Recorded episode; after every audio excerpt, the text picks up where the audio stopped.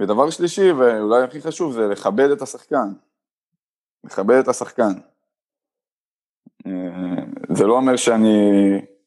תראו, זה דיון הרבה יותר גדול כנראה, אבל אנחנו בסוף אה, זכינו לאמן כדורסל כי יש שחקנים שמוכנים שיאמנו אותם.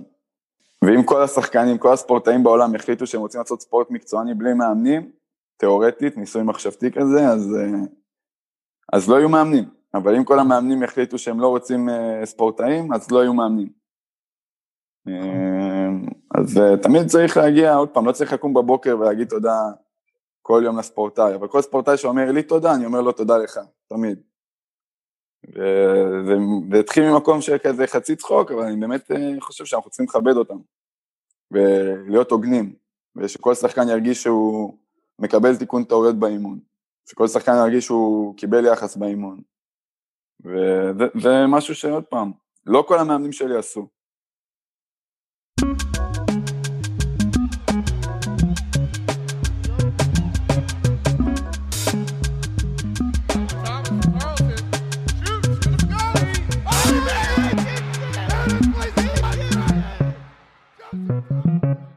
שלום לכולם, ברוכים הבאים לפרק מיוחד מספר 2 של לצאת מהקווים, מאמנים מדברים על אימון, אני עמית רחמילביץ'. אני גלעד ארמון, והיום אנחנו עם עמית רחמילביץ'. מה נשמע עמית? שלום גלעד, שלום, תודה רבה, תודה רבה שהזמנת אותי. טוב שאתה פה. שומע, שמעתי את כל הפרקים, את כל הפרקים שמעתי. אה, מאוד אוהב את הפודקאסט שלכם. תודה רבה, יש לך חלק גדול מאוד בזה. אמ, עמית, בוא נצלול ישר לעניין. מה הדבר הראשון שאתה זוכר שמאמן שלך אמר לך? האמת, אה, זה היה מאמן ג'ודו, הוא אמר לי, תקום. זה מה שהדבר הראשון שאני זוכר. נראה לי זה גם היה האימון האחרון שלי, קראו לו אליעזר, זה היה בבית ספר פרדס צפוני. אה, ריסק אותי שם אחד הילדים, נראה לי זה היה גם אימון האחרון שלי בג'ודו.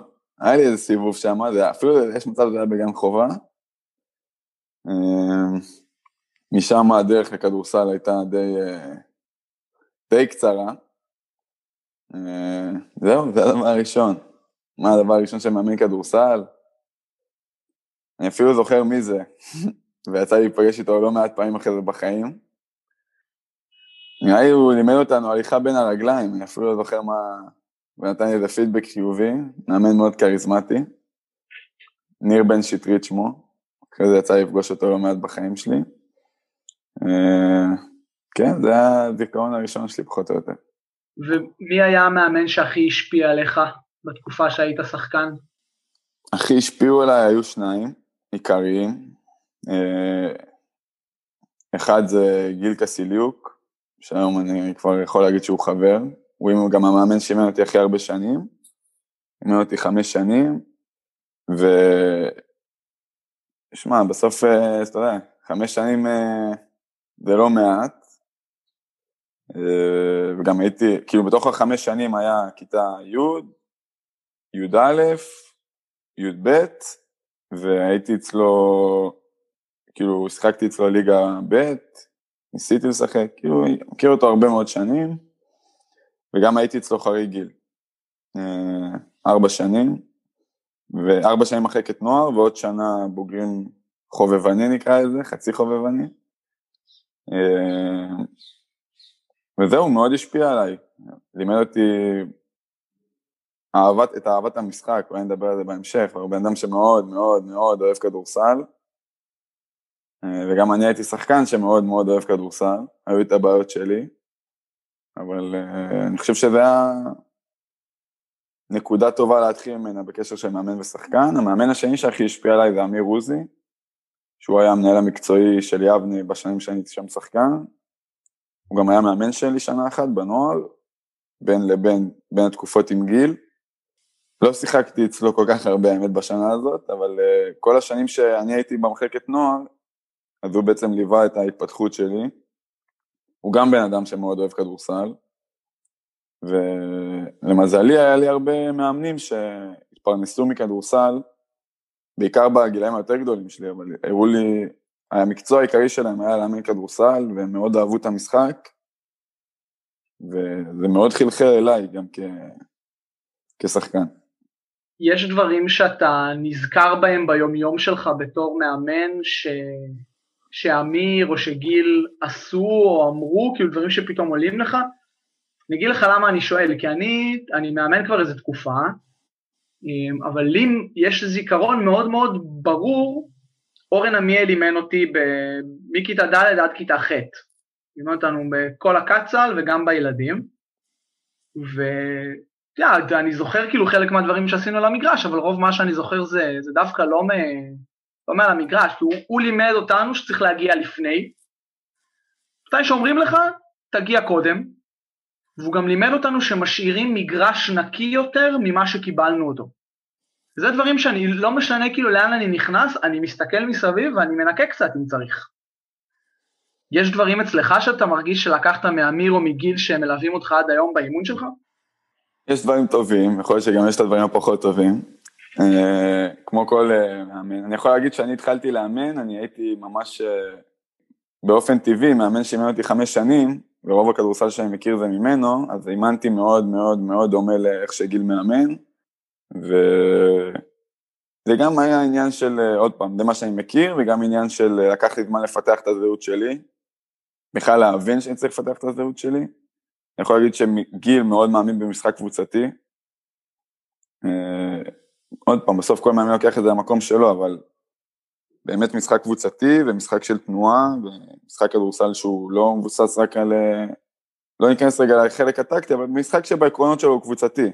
הגנה קבוצתית, התקפה קבוצתית, וזה משהו שעד היום מאוד אה, מחלחל אליי. מאמיר, אני יכול להגיד שבשנה עם אמיר יצא לי לעשות איתו הרבה שיחות אישיות. אה, אני די בטוח שזה גם שנה שדי הובילה לזה שאני אהיה מאמן כדורסל.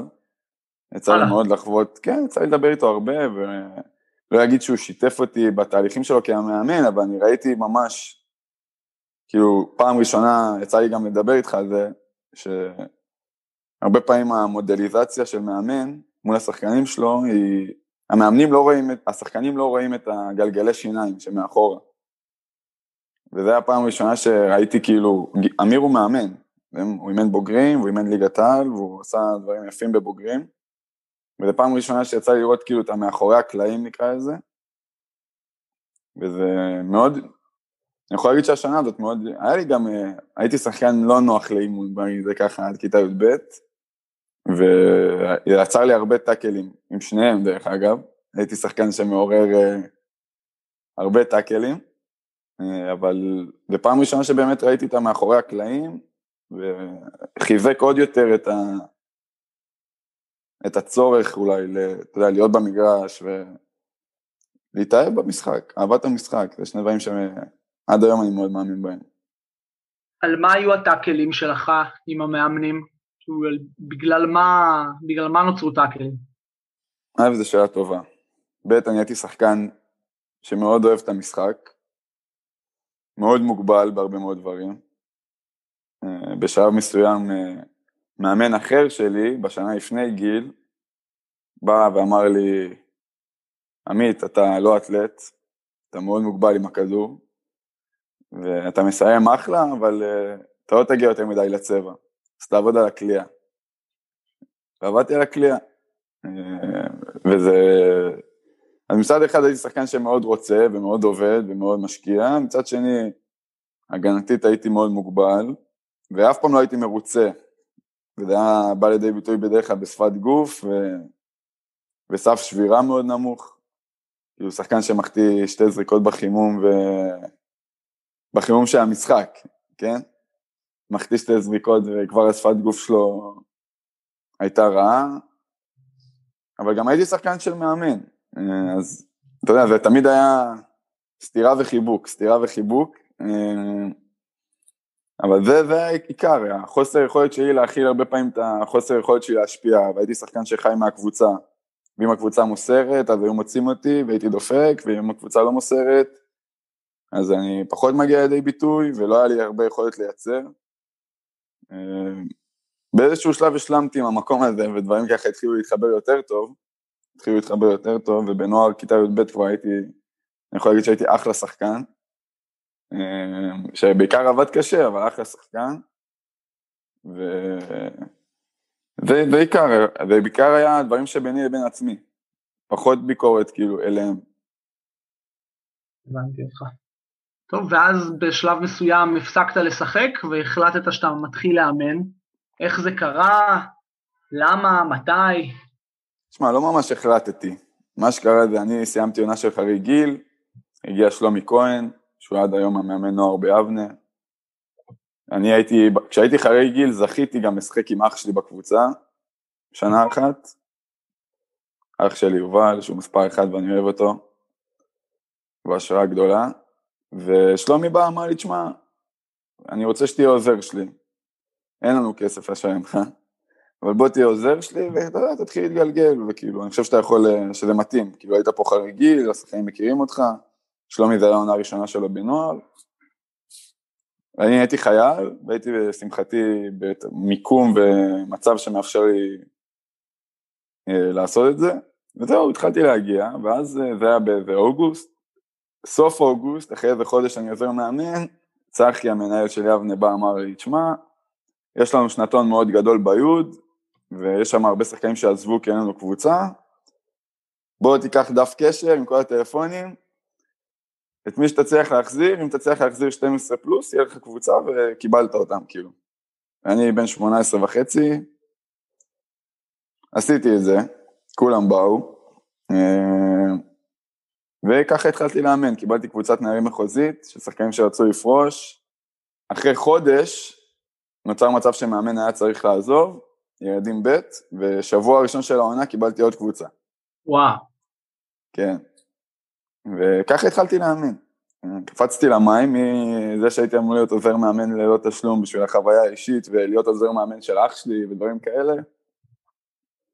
ככה התחלתי לאמן, היה לי כבר תעודה והכל וגם הייתי בגדול אני מאמן מגיל 16 חוגים, כי אימנתי 16, 17, 18 במוקד, בית ספר כדורסל, של גיל, כאילו תחת גיל שאימן אותי, ועשיתי את זה גם לא רע, ומאוד אהבתי את זה, אבל לא ראיתי את זה, כאילו, כן ראיתי את זה קדימה, אבל לא ראיתי את זה הופך למה שזה היום, כאילו, שזה ממש משפיע עליי. התחלתי לאמן, ככה התחלתי לאמן, זה, זה הסיפור. היו לך כל מיני מאמנים, לא רק, אה, לא רק גיל ואמיר, אמ, ובדרך כלל החוויה שלנו בתור מאמנים מתחילים מושפעת גם ממה שהיינו לוקחים, או הסגנון שבו אימנו אותנו, אבל גם מדברים שהיינו אומרים לעצמנו, בואנה, זה משהו שאני בחיים לא הייתי עושה עם הקבוצה שלי, אין מצב כאילו שאני אומר או מתנהג ככה או עושה ככה לקבוצה שלי. איזה דברים אמרת לעצמך, את זה אני לא לוקח. שאלה טובה. אה, כבר שתיים ברצף, יש לי שתי שאלות טובות ברצף. אני בטוח שיהיה עוד עשר, או כמה שאני אדבר, ואז ירד ביחס ישיר לכמה שאני אדבר. מה לא? אני עוד פעם, היום זה כבר נהיה, כל האגודה אומרת שהיא רוצה לגדל שחקנים, ו... ו... וזה כאילו נהיה, אתה יודע, קבוצ... אגודות שלא אומרות את זה הן כאילו בגדר פושעות, אתה יודע, כולם רוצים לגדל שחקנים, ואני רוצה לגדל שחקנים דרך אגב, אני חושב שזה גם באמת הפך להיות איזשהו, זה טוב שזה ככה, כי באמת היום המאמנים, רוב המאמנים רוצים בטובת גם הכדורסל הישראלי, לדעתי זה מאוד מורגש. אבל אני חושב שאחד מהאחריות שלנו כמאמנים, וזה גם חוזר עוד פעם לאמיר וגיל, זה לפתח את אהבת המשחק. אה, ויש הרבה פעולות שאני, עד הגילאים האלה, אה, עד כיתה ט' אני יכול להגיד, אה, חוויתי, אתה יודע, מאמנים שלא בהכרח חוויתי גם מאמנים מצוינים בקצ"א וזה, אבל ראיתי גם מאמנים שהיו לי מאמנים שפשוט או התעסקו בלפתח שחקנים, או פשוט לא התייחסו לכדורסל ברצינות. ומבחינתי, כמו שאני רוצה לגדל שחקן, אני צריך לגדל שחקן שאוהב לשחק כדורסל, וזה... ברוב, וזה לא מובן מאליו גם, זה לא שכל מי שהופך להיות שחקן כדורסל, אולי יתפלא מי ששומע, אני מכיר לא מעט שחקנים בוגרים שלא באמת אוהבים כדורסל. הם איכשהו מספיק טובים בשביל להגיע לשם, ו... וזה, אולי, ורוב השחקנים האלה גם לא מממשים את הפוטנציאל שלהם, כאילו אם זה שחקן ליגה לאומית שלא אוהב כדורסל, אם הוא היה באמת אוהב, הוא כנראה לא היה שחקן ליגה לאומית. אני באמת מאמין בזה גם. וזה מתחיל מה, מהאימון, שהאימון צריך להיות לא, הוגן, לא שוויוני, אבל הוגן. ונגיד, תמיד הצחיק אותי, אני זוכר בתור שחקן שהייתי רואה אימונים של מחלקת נוער, שיש שחקנים שלא משחקים בחמש על חמש. בתוך האימון? כן. או משחקים פחות, בוא נקרא לזה ככה. לא יודע אם לא משחקים בכלל אף פעם, וכאילו בדרך כלל השחקנים הפחות טובים, או הפחות מוכשרים, אז כאילו הם גם לא משחקים במשחק, ואז גם באימון הם לא משחקים. אתה יודע, זה, משהו שלא יקרה אצלי בחיים נגיד. להפך, כולם, כולם מתחלפים. כולם מתחלפים. בלי קשר לכמה דקות הם ישחקו, כאילו אני לא מאמין בזה שהחמש על חמש באימון זה מה שיעשה את ההבדל או יקדם יותר או פחות, ואם יש לך שחקן שהוא בריא לקבוצה חברתית, והוא פחות כרגע טוב אולי בשביל לשחק איקס דקות, אז אתה יודע, אז הוא שחקן כדורסל, הוא רוצה לשחק כדורסל. ומשורש המילה, משחק, לשחק. וזה לא מובן מאליו, ויש שחקנים שלא משחקים בחמש על חמש. היה, אני לא יודע אם זה עדיין קיים, אני זוכר את זה בתור שחקן. זה דבר אחד. דבר שני, היה לי מאמן או שניים אפילו שפשוט היו באים לאימון, וזה גם נראה ככה. שחקן רוצה להרגיע, אה, בוא נגיד, המאמנים היותר טובים שלי, האימונים היו ההצגה שלהם, בוא נקרא לזה ככה, וזה משהו שגם לקחתי אליי, כאילו האימונים היו חשובים, היית צריך להיות טוב באימון, והיית צריך לבוא מרוכז, וכמו שאמרת, להגיע לפני, ו... וכל משחק באימון הוא עם אמוציות, ואתה יודע, ואתה רוצה, וזה מלחמה, והיו מאמנים שבאים, וזה ממש השפיע על ההרגשה של איך שאני תופס את הכדורסל, ואת המשחק ואת הקבוצה. ודבר שלישי, ואולי הכי חשוב, זה לכבד את השחקן. לכבד את השחקן. אה, זה לא אומר שאני... יו, זה דיון הרבה יותר גדול כנראה, אבל אנחנו בסוף אה, זכינו לאמן כדורסל כי יש שחקנים שמוכנים שיאמנו אותם. ואם כל השחקנים, כל הספורטאים בעולם החליטו שהם רוצים לעשות ספורט מקצועני בלי מאמנים, תיאורטית, ניסוי מחשבתי כזה, אז, אה, אז לא יהיו מאמנים. אבל אם כל המאמנים יחליטו שהם לא רוצים אה, ספורטאים, אז לא יהיו מאמנים. אה, אז תמיד צריך להגיע, עוד פעם, לא צריך לקום בבוקר ולהגיד תודה כל יום לספורטאי, אבל כל ספורטאי שאומר לי תודה, אני אומר לו תודה לך, תמיד. וזה התחיל ממקום כזה חצי צחוק, אבל אני באמת חושב שאנחנו צריכים לכבד אותם, ולהיות הוגנים, ושכל שחקן ירגיש שהוא מקבל תיקון טעויות באימון, שכל שחקן ירגיש שהוא קיבל יחס באימון. וזה משהו שעוד פעם, לא כל המאמנים שלי עשו. לא כל המאמנים שלי, היו, היו מאמנים שיש, בעונה עם אמיר אני בקושי שיחקתי, אבל אחרי כל משחק הוא היה מקפיץ אותי והיינו יושבים באוטו והוא היה מדבר איתי על המשחק. ושואל מה דעתי. והייתי שואל אותו רגע, ומה הייתי יכול לעשות בדקות האלה? ומה הייתי יכול... והוא התייחס אליי. אז אה, כן, לכבד את השחקן. יפה. אמ, אתה חושב שסגנון האימון שאתה מזהה אצל עצמך הוא שונה מהסגנון אימון של המאמנים שלך בעבר באופן כללי? הוא התפתח מהם, אבל הוא שונה לגמרי לדעתי. גם כי אנחנו גם בתקופה אחרת, ובסוף אני הייתי שחקן כבר לפני, לא יודע, שמונה שנים, בחור צעיר, אבל אה, שמונה שנים, כן, הוא שונה, אני, אבל הוא לא שונה בהכרח שהוא יותר טוב, זה פשוט דברים שיותר מתאימים לא, לאופי שלי ולאישיות שלי, ואיך שאני תופס את הכדורסל, גם מקצועית וגם uh, חברתית, נקרא לזה ככה, אבל הבסיס שלו, השורש שלו, התחיל מהם. אז אתה יודע, זה כאילו, זה הכדורסל שהכרתי בתור ילד, והיה את הכדורסל שהתחלתי להכיר בתור מאמן. אה, לא יודע, בהתחלה אימנתי רק תן ולך, היום אני בעיקר מאמן חדירה הוצאה. והרבה יותר חשוב לי ה extra pass מאשר, ה, לא יודע, ה backdoor ים אה, האוטומטיים, סתם דוגמה, אוקיי? אה, וחברתית, אני יכול להגיד שאני, יש לי פחות אפס דיסטנס ביחס למאמנים שהיו לי נגיד, אוקיי? אבל זה לא אומר שהדיסטנס הוא לא טוב, זה אומר שאני היום כמאמן לא מוצא צורך להיות בריחוק הזה שהמאמנים שלי היו איתי.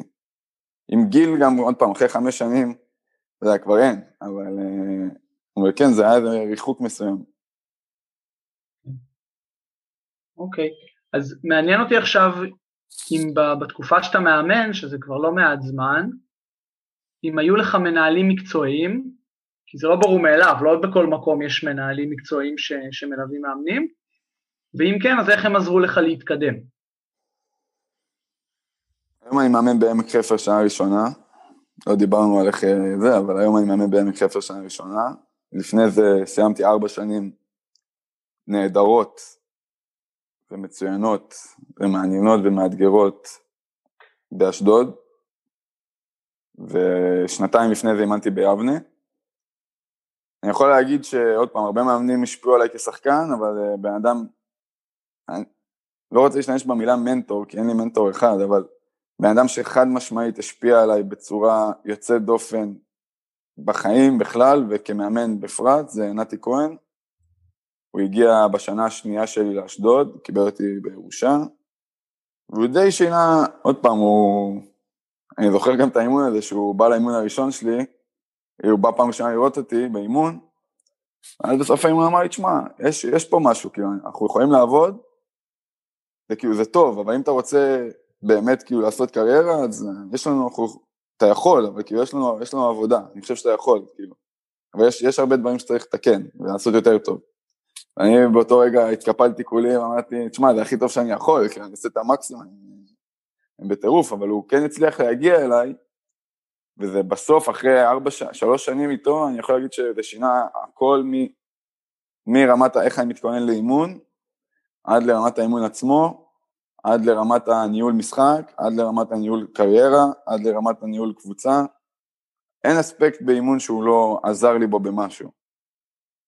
ואני חייב לו הרבה על זה תמיד, זה בן אדם שעוד פעם, המאמנים שהוא הראה לי באמת את המאחורי הקלעים, הוא באמת הראה לי מה זה מקצוע אימון. אני עד עכשיו כאילו הרבה מהתהליך שלי היה למידה עצמית כמאמן והתבסס עוד פעם על המאמנים שהיו לי, וזו פעם ראשונה שמישהו באמת, באמת הראה לי את, ה, את הפרקטיקה והתכלס וגם סיטואציות שהן לא שחור ולבן, הרבה אפור, ואיפה זזים בתוך האפור הזה. וזה שוב, זה, אני יכול, אני אתחיל לדבר על זה, אני לא אסיים, אבל באמת כל, גם משיחות כאלה small talk לקחתי דברים, וגם מלשבת ולדבר על כדורסל, ואין, ויש היום הרבה דברים שכאילו באשדוד הוא הכניס כחובה, והיום אני משתמש בהם כי אני באמת מאמין שהם, שהם טובים וחשובים למאמן. מה למשל? אתה יודע, כשאתה עושה קורס מדריכים, אז יש את השיעורים הנוראים על מערך אימון. ובוא נגיד, לא משווקים טוב את המערכי אימון האלה בקורס מדריכים. אתה יודע, זה מצטייר כמטלה שאף אחד לא צריך ואף אחד לא רוצה, ו... וגם הצורה שלדעתי מלמדים את זה היא מאוד לא יעילה, כי בסוף מערך אימון אמור לשרת אותך כמאמן, כאילו לעזור לך להיות מאמן יותר טוב, לייעל את האימון. ואני כשנעתי, עוד פעם, אני עשיתי תהליך עם מערכי אימון, שהתחלתי לא היה לי בכלל, ומי צריך את זה בכלל, הכל uh, מאלתר.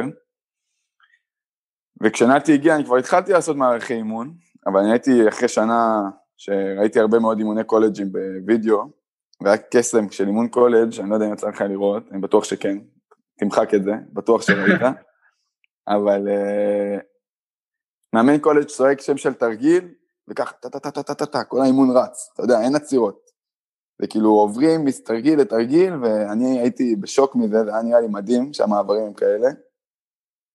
וככה, ותכנן, בגדול אתה מאמן קצ"ל וילדים ב', אז אתה יודע, אז אתה מתאים את עצמך, והיה לי שתי מערכי אימון, פחות או יותר, שדי חזרו על עצמם, ומה שהשתנה זה התוכן, כאילו שאת התרגיל הוא אותו תרגיל, מה שמשתנה, לא יודע, קרוס קדמי, בקדור במקום אלקאט, דברים כאלה, אבל כאילו התרגיל האימון הוא אותו תרגיל אימון, והאימון היה רץ, אחרי כמה חודשים האימון היה רץ ורץ, ו...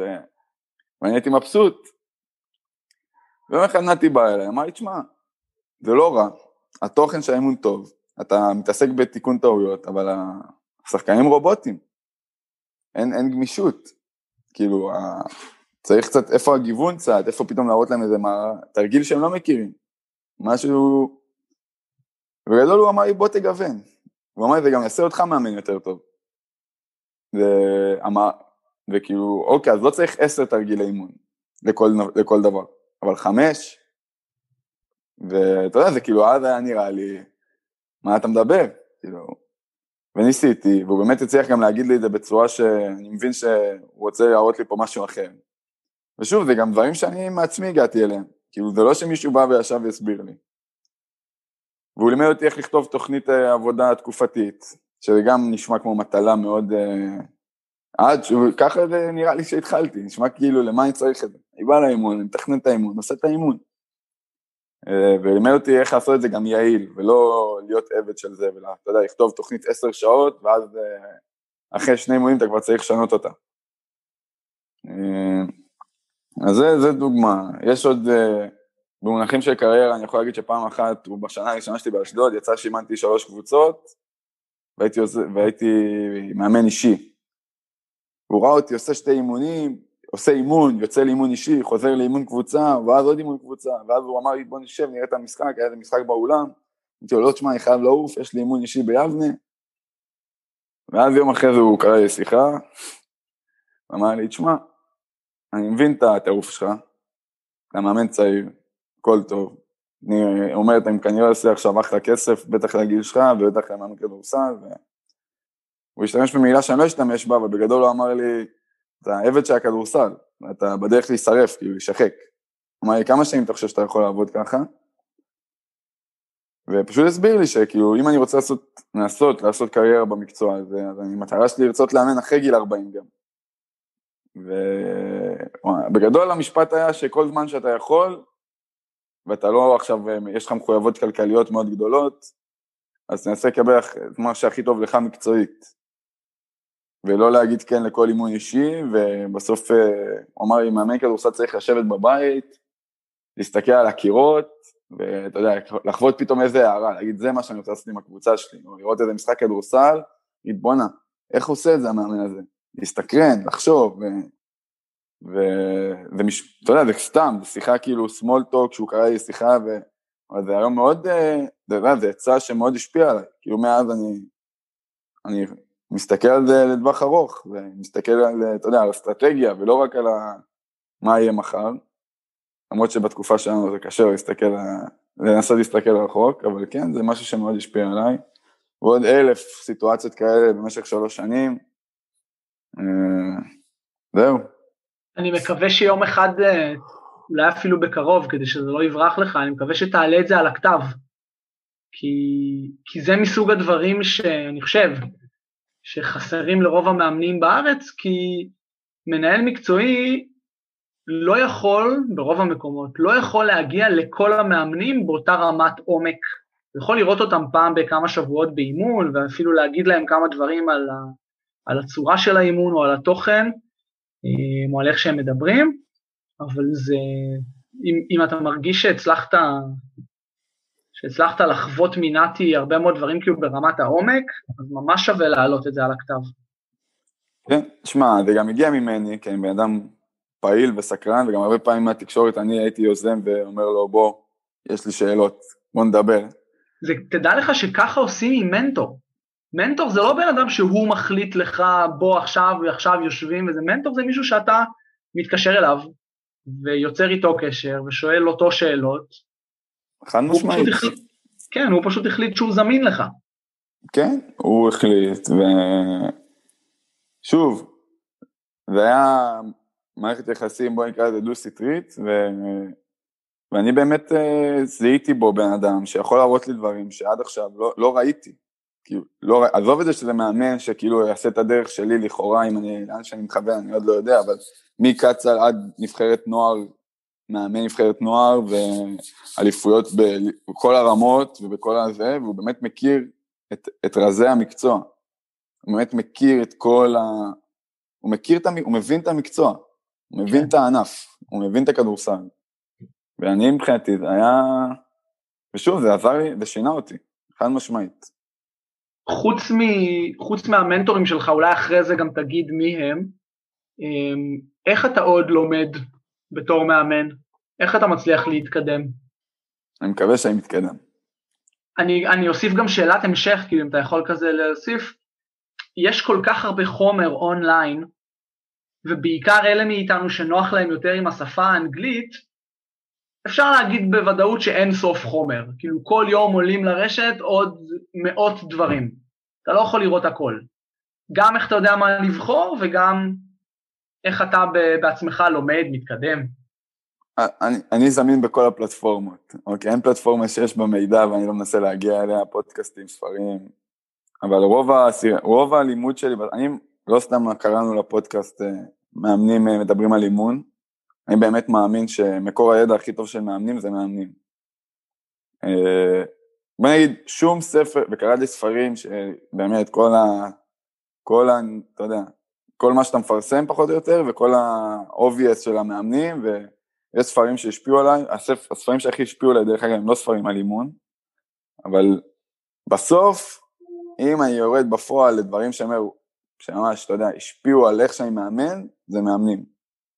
מאמנים ושיחות עם מאמנים, או שראיתי אימון ועף לי המוח מאיזה משהו, ואני מתעלק על המאמן, זה קורה, זה קורה, לא קורה כל יום, אבל אם אני רוצה להבין משהו, אני רואה מאמן ואני כאילו, זה, אני, אני מתעלק עליו. אני מתעלק עליו, זה קרה לי לא מזמן, לא יודע אם להזכיר שם, עוד לא להזכיר, אבל מאמן שמאוד, פתאום ראיתי כמה אימונים שלו, וכאילו, אמרתי, תשמע, אני חייב להבין פה כמה דברים, ופשוט, אני מתעלק עליו מאז. לא שראיתי אימון, יצאתי עם איזה 15 שאלות, באתי אליו, ואם יש לי איזה שאלה, אני משגר שאלות. אני יכול להגיד שעכשיו גם דרכך שיגרתי שאלה לא מזמן לאורן, וזה המקור מידע העיקרי שלי. אני יכול להגיד שאני מתייעץ הרבה, יש לי, שוב, דיברנו קצת על מנטור, אין לי מנטור אחד. בכדורסל יש לי מלא, אוקיי, אני יכול, אבל אני גם מאוד נזהר, אני לא מדבר עם אנשים שעכשיו בסיטואציה שגם אם מכירים אותי מאוד טוב, אני, אם הם לא רואים את הקבוצה ולא מכירים את התהליך, אני לא אשאל אותם משהו על התהליך והקבוצה. אה, אז ביום יום אני בעיקר משתדל לדבר עם אנשים שחווים את התהליך שלי, או שמכירים אה, אותי, ואם זה משהו שקשור אליי, אז אני מתלבט, או ניהול עומסים, או משהו כזה שהוא לא פרסונלי. אה, אבל למדתי ששיחות על הקבוצה שלי עם אנשים שלא מכירים את הקבוצה שלי, הרבה פעמים זה מביא אותי. זה קרה, והרבה פעמים גם הקשבתי למשהו לא נכון, ואחרי זה שילמתי על זה, כן, אבל אה, כאילו זה היה טעות. אני לומד הרבה, והרבה היום מהלימודים שלי הם לא קשורים לכדורסל, או לאימון ישירות, אבל אני, אני גוזר מהם הרבה. אני לומד הרבה, אני לומד אה, תואר בפסיכולוגיה ומדעי הקוגניציה בפתוחה, ובאופן כללי אני בן אדם די סקרן, אני קורא על הרבה מאוד דברים שלא קשורים בכדורסל ישירות, אבל הכל קשור לאימון בסוף, אימון זה מקצוע לדעתי הכי מגוון בעולם, ואין משהו, אין הרבה חוויות שאתה תחווה כבן אדם, שלא יכולות להשפיע עליך כמאמן, לדעתי. אני חושב שזה נושא שלא מדברים עליו מספיק, צריך לחשוב על איך, איך אנחנו באמת מקדמים את הנושא הזה. להיות מאמן זה קצת כמו להיות אמן, נכון? אני חושב שדיברנו על זה פעם, אולי נגיע לזה אחר כך, אבל... וכשאתה אמן, אז אתה צריך לדעת הרבה מאוד דברים על העולם כדי שתוכל בכלל לפתח איזושהי פרספקטיבה לגבי מה כדאי לעשות עכשיו ביצירה שלך. ואנחנו במקרה היצירה שלנו זה, זה קבוצות וזה ספורטאים. ואנחנו ככה מקבלים איזשהו גוש, גוש אבן, גוש חמאה, ואנחנו ככה מפצלים אותו, או אנחנו מקבלים דף חלק ואנחנו מנסים כזה לארגן את הצבעים בצורה ש... שתראה יפה לכל מי שמעורב בזה. אמ, אני חושב שלא סתם אה, רוב האומנים הגדולים היו אנשים ש... שהיו מגוונים והתנסו בהרבה דברים. אני חושב שזה משהו שהוא, שהוא כן. חשוב.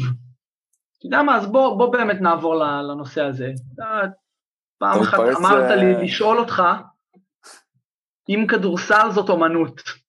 לא, השאלה היה אם לאמן כדורסל זאת אומנות. אם לאמן כדורסל זאת אומנות. אוקיי, אז מה דעתך באמת בנושא הזה? שכן. אה, אני אקשה, אני אקשה, כי, כי יש פה המון מדע. אז אני, נכון? כאילו יש מה לעשות וכמה ו... אני מגיע לשם, אני מגיע לשם. א', אחד הדברים שיצאו טוב מהקורונה זה שבאופן כללי בן אדם שמאוד uh, מתעסק בפילוסופיה והגיגים וזה מאוד מעניין אותי. ויצא לי לחשוב הרבה על uh, פילוסופיה, על העניין של אימון. Uh, אני הגעתי לזה ספציפית מזה שאני מרגיש שקשה מאוד להעריך עבודה של אימון, זה גם עלה כאילו ב... בנושא, לא, זה עלה בשיחה עם דניאל ססר, שהוא אמר שאנחנו צריכים להסתכל על, ה... על התהליך ולא על התוצאה, ואני מרגיש שגם את התהליך מאוד קשה למדוד, ואין כלים מדעיים באמת שבסוף אתה לוחץ ואומר זה עבודת אימון טובה, זה עבודת אימון לא טובה, כמו שיש במכירות או במחקר או ב... והתחלתי להבין שאולי הכלים המדעיים הם לא, לא טובים לשיפוט, אבל אני כן חושב שאימון זה אומנות שנתמכת במדע.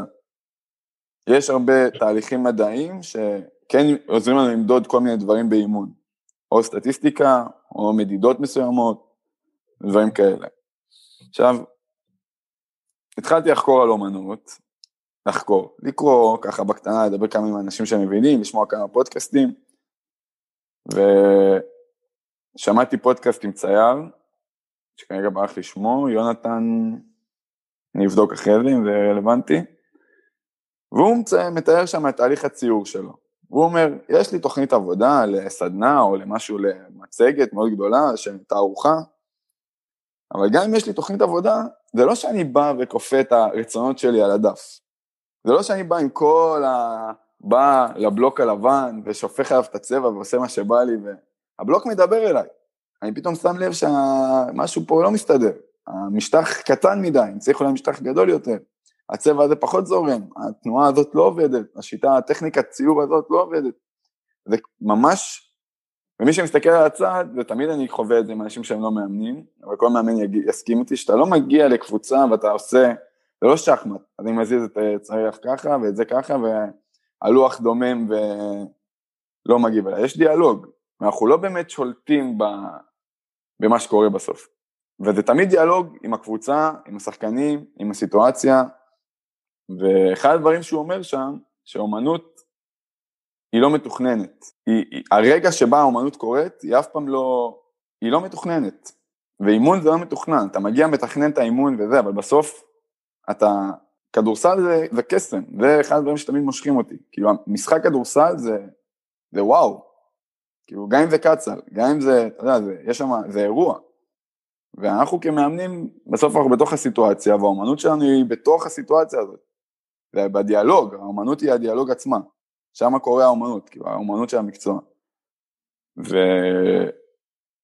ולאמן זו אומנות, ואומנות אי אפשר להגדיר אותה, ואימון, דיברתי עם עשרות אנשים ויש מלא הגדרות למה זה אימון ומה זה הצלחה וכל הדברים האלה. בסוף אף אחד לא יכול להסביר מה עושה מאמן טוב מאמן טוב, באמת, או מה מבדיל את כל המאמנים הגדולים, את כל האומנים הגדולים, וזה אותו דבר באימון, באותו דבר באומנות. כאילו, כשאתה מסתכל על דיוויד בלאט, או על מאמן גדול אחר, או על ברק בכר, הרבה פעמים שופטים אותם אל מול עצמם, ו... או שהולכים לדיר... לדירוג מדעי כלשהו, מספר הניצחונות הכי גבוה, אבל כשאתה מסתכל על גולדן סטייט, שלא לקחה אליפות, שהפסידה ל... לקליבלנד, אתה יודע שאתה ראית משהו שהוא חד פעמי. כאילו, גם אם במבחן התוצאה זה לא עבד.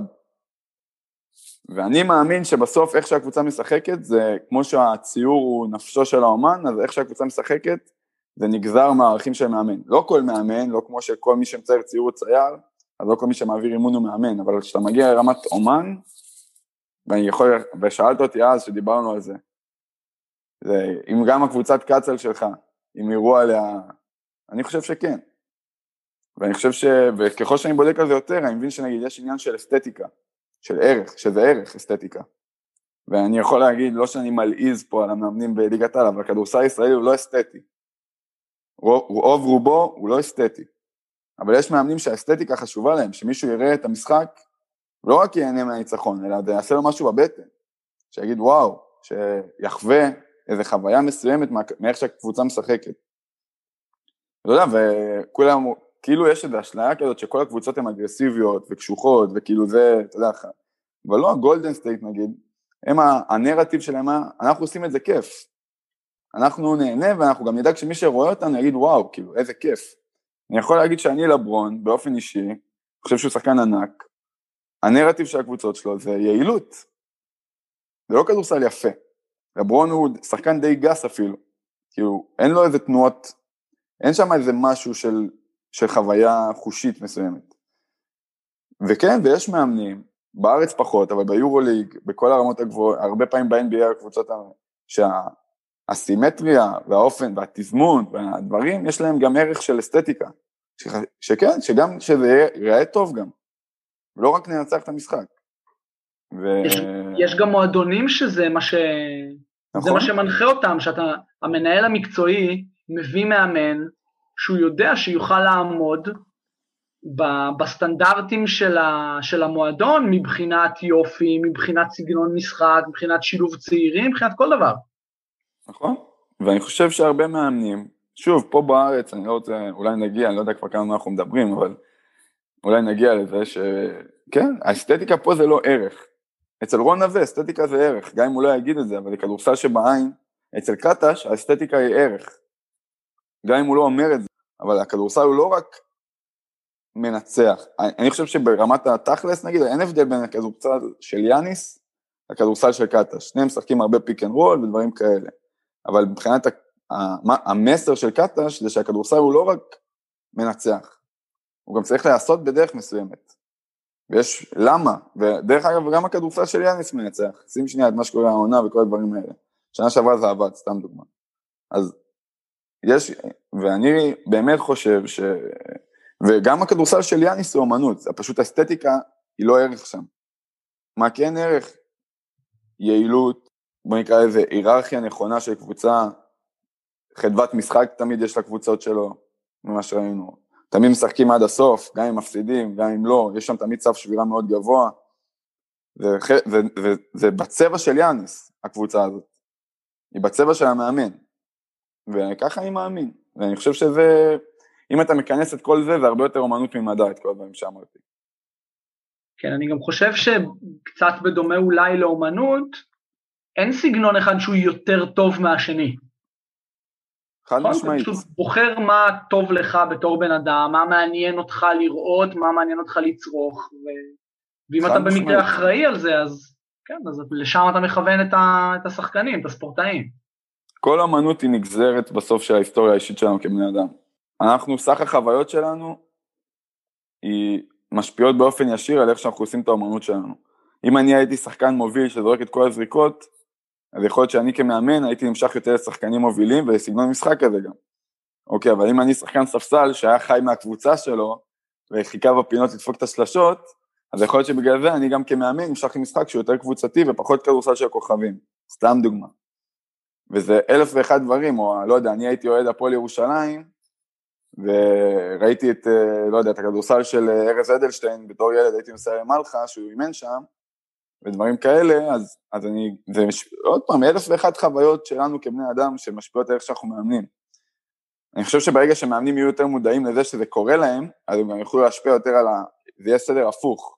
הם כאילו יוכלו להשפיע יותר על הערכים של הכדורסל שלהם.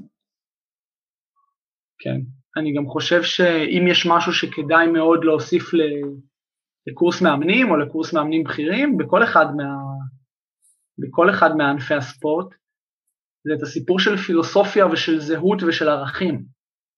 זה משהו שרק אחרי איזה שמונה, תשע שנים במקצוע גיליתי שהוא קיים. אני לא יכול להגיד שזה במקרה, אתה יודע, כי אני מאוד מתעניין בכל מיני דברים כאלה, אבל אולי זה לא משהו ש, שכולם מוצאים. אולי לא לכל אחד יש מישהו שיגיד להם ויכוון אותם. כן, זה גם עניין של תרבות ספורט שאין, לדעתי. אני חושב שזה שהרבה פעמים התרבות האימון היא פשוט נגזרת מתרבות הספורט. לא, לא הרבה פעמים, תמיד. ואנחנו בארץ יותר עדיין, שוב, בכדורסל אני חושב שאנחנו בתהליך טוב בקטע הזה, אני רואה ליותר ויותר מקרים של פחות, אבל עדיין הרבה יותר חשוב לנו לנצח מאשר איך לנצח. ואתה רואה מאמני יורוליג היום שחשוב להם שלא רק איך לנצח, אלא גם מה, מה הכדורסל שלנו משדר. ומי אנחנו, בוא נקרא לזה ככה, ולא רק מה, מה אנחנו מנסים לעשות. כן, טוב, יכול להיות גם שזה קשור לזה שיורוליג זה יחסית מועדון סגור, ואם אתה יודע שרוב הסיכויים שאתה לא תרד ליגה, אז יש לך, כל עוד, כל הכדורסל, כל עוד הכדורסל שלך, או הספורט שלך בכלל, כל עוד הכדורסל שלך מאפשר לך ל, לייצר תצוגות שהן יחסית עקביות, ואולי לנצח מדי פעם, אז אתה לא תרד ליגה, אתה לא במאבק קיומי, והרבה מאוד פעמים בישראל אתה כן במאבק קיומי, גם אם אתה לא תרד ליגה, אתה אולי מרגיש צורך להצדיק את הג'וב שלך ולהישאר לשנה הבאה. אני מסכים איתך ומסתייג בזה שגם הקבוצות יורוליג הם בסוף בליגות מקומיות. אמנם הם תמיד הקבוצות המובילות ואולי אין סיכוי שהם ירדו ליגה, אבל עדיין יש חשיבות לביצועים בסוף בליגה כזאת. אה, שוב, אני לא חושב שזה רע גם, אם אין לך אסתטיקה כערך, אני לא חושב שזה רע, אני פשוט חושב שאסתטיקה זה ערך. יש מאמנים שחשוב להם, ויש מאמנים שפחות חשוב להם, ובארץ אסתטיקה זה ערך משני הרבה פעמים. אוקיי, יופי, אני שמח ששאלתי את זה, זו באמת הייתה שאלה טובה. מספר חמש, שש, שבע, אנחנו בקצב טוב. מה אתה יודע היום על עצמך או על מקצוע האימון שלא ידעת לפני חודש? חודש. חודש. ש... שאלה טובה. חודש צריך זמן, שלא צריך זמן, לא, לא, תמחק, שהרבה יותר קל, אוקיי? ככל שאתה משתפר, לא, ככל שיש לך יותר ניסיון, הוא יותר קל בלזהות את התהליך לימוד. כאילו היום אני רואה את התהליך של הקבוצה שלי הרבה יותר טוב ממה שראיתי אותו לפני שנתיים. אה, ולא בגלל שאני מאמן אותו כדורסל, אלא פשוט בגלל שחוויתי יותר סיטואציות עד נקודת זמן הזאת, ואני בטוח שזה גם יהיה יותר טוב. כאילו אם תשאל אותי איפה המשמעות של ניסיון הכי הרבה, חוץ מניהול משחק אולי, שאין דרך להתאמן על זה או לעבוד על זה חוץ מלנהל משחק, אה, זה בלזהות את התהליך אימון וכאילו להגיב יותר מהר. כאילו אני, הרבה יותר קל לשפר את הקבוצה שלי, כי מהר מאוד אני קולט מה עובד יותר, מה עובד פחות, למה, וזה לא משהו שהיה ברור לי, אני די מזלזל בניסיון, בעיקר כי אין לי הרבה כזה, אבל, אה, אבל זה משהו שאני מבין שככל שיהיה יותר ניסיון אני אעשה אותו יותר טוב, והקבוצות שלי ישתפרו יותר מהר, או ילמדו יותר מהר. מה קרה לפני חודש שעכשיו, אה, כאילו שעכשיו גילית את זה? זה מתחבר לשאלה ששאלתי אותי וביקשתי ממך להעביר לאורן, זה קשור למשחק מהיר, ו... ולפני חודש אה, אני מנסה ללמד את הקבוצות שלי לשחק מהר כל השנים, ו... ותמיד לוקח זמן, ותמיד אנחנו מאבדים מלא בשליש הראשון של העונה. מלא.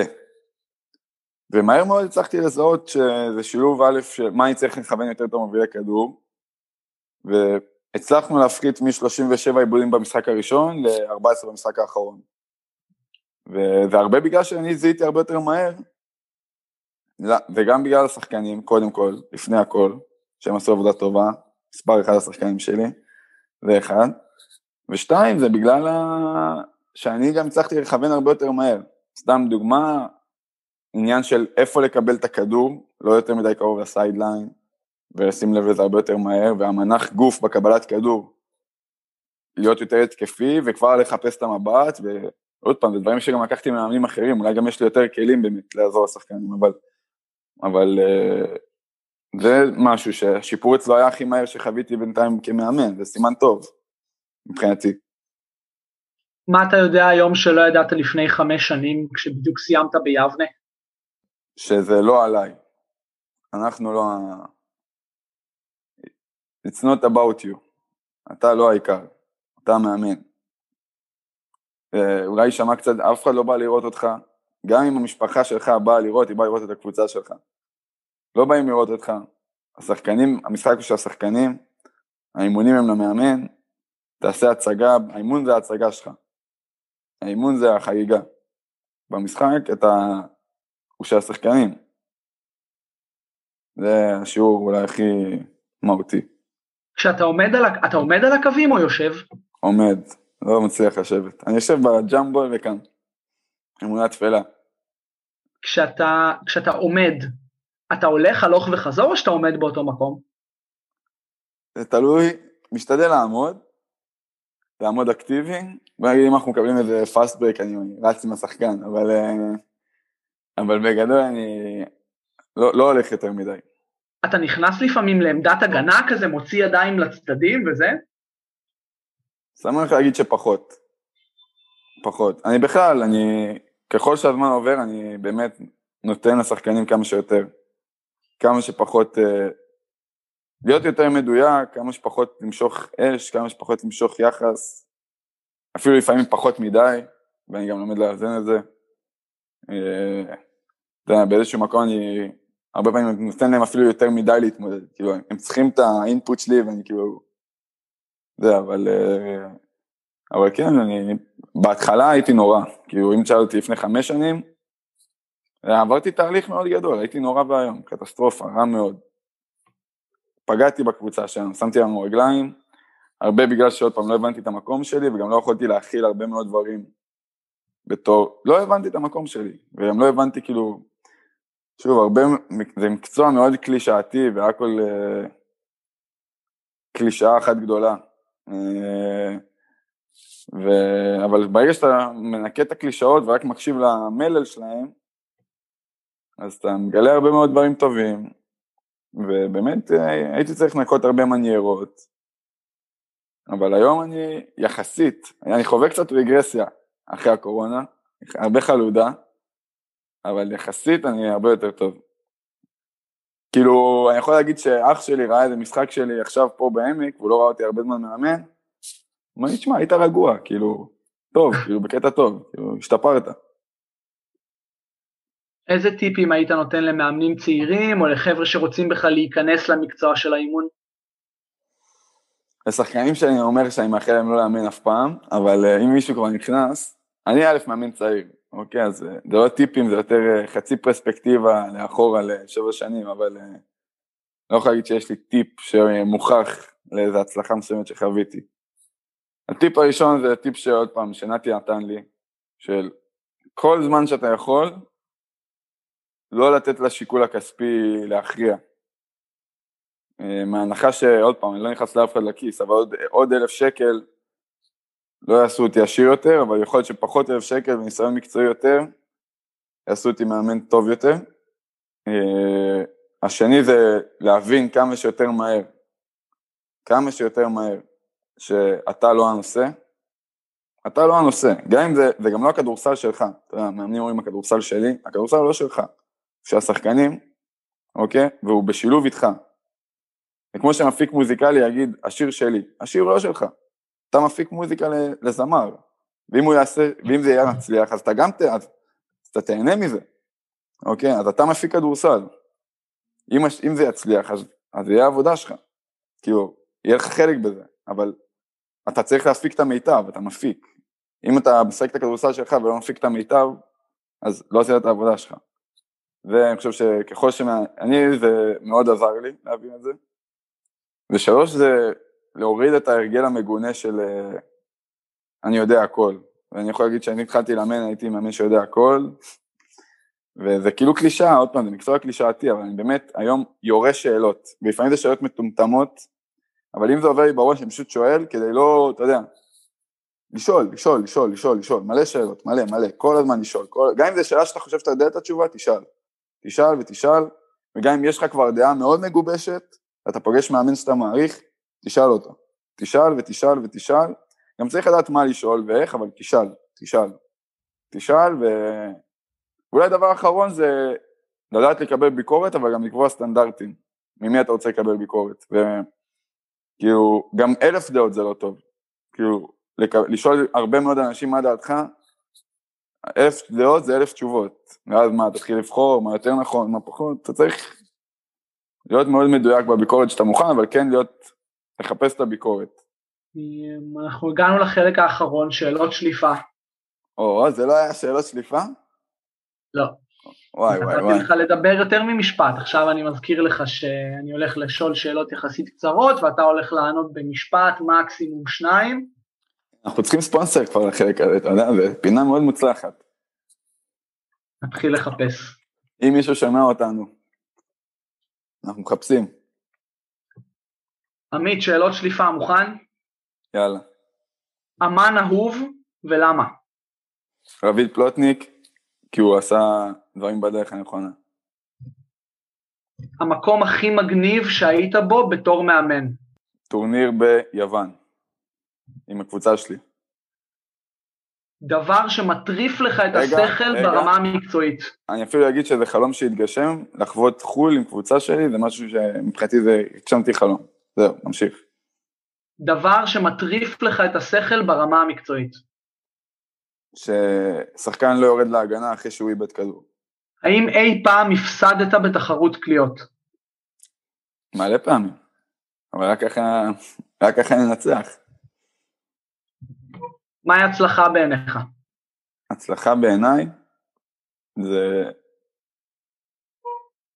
להגיע, להיות מרוצה ושבע רצון מה, מביצוע.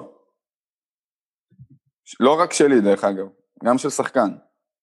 מה הסיבה ליוזמה של הפודקאסט לצאת מהקווים, מאמנים מדברים על אימון? לנסות לעשות את ישראל מקום שמאמנים יכולים לחיות בו. האם תהיה לך קריירה נוספת אחרי קריירת האימון? תשמע, זו שאלה שאני דן בה עם עצמי לא מעט.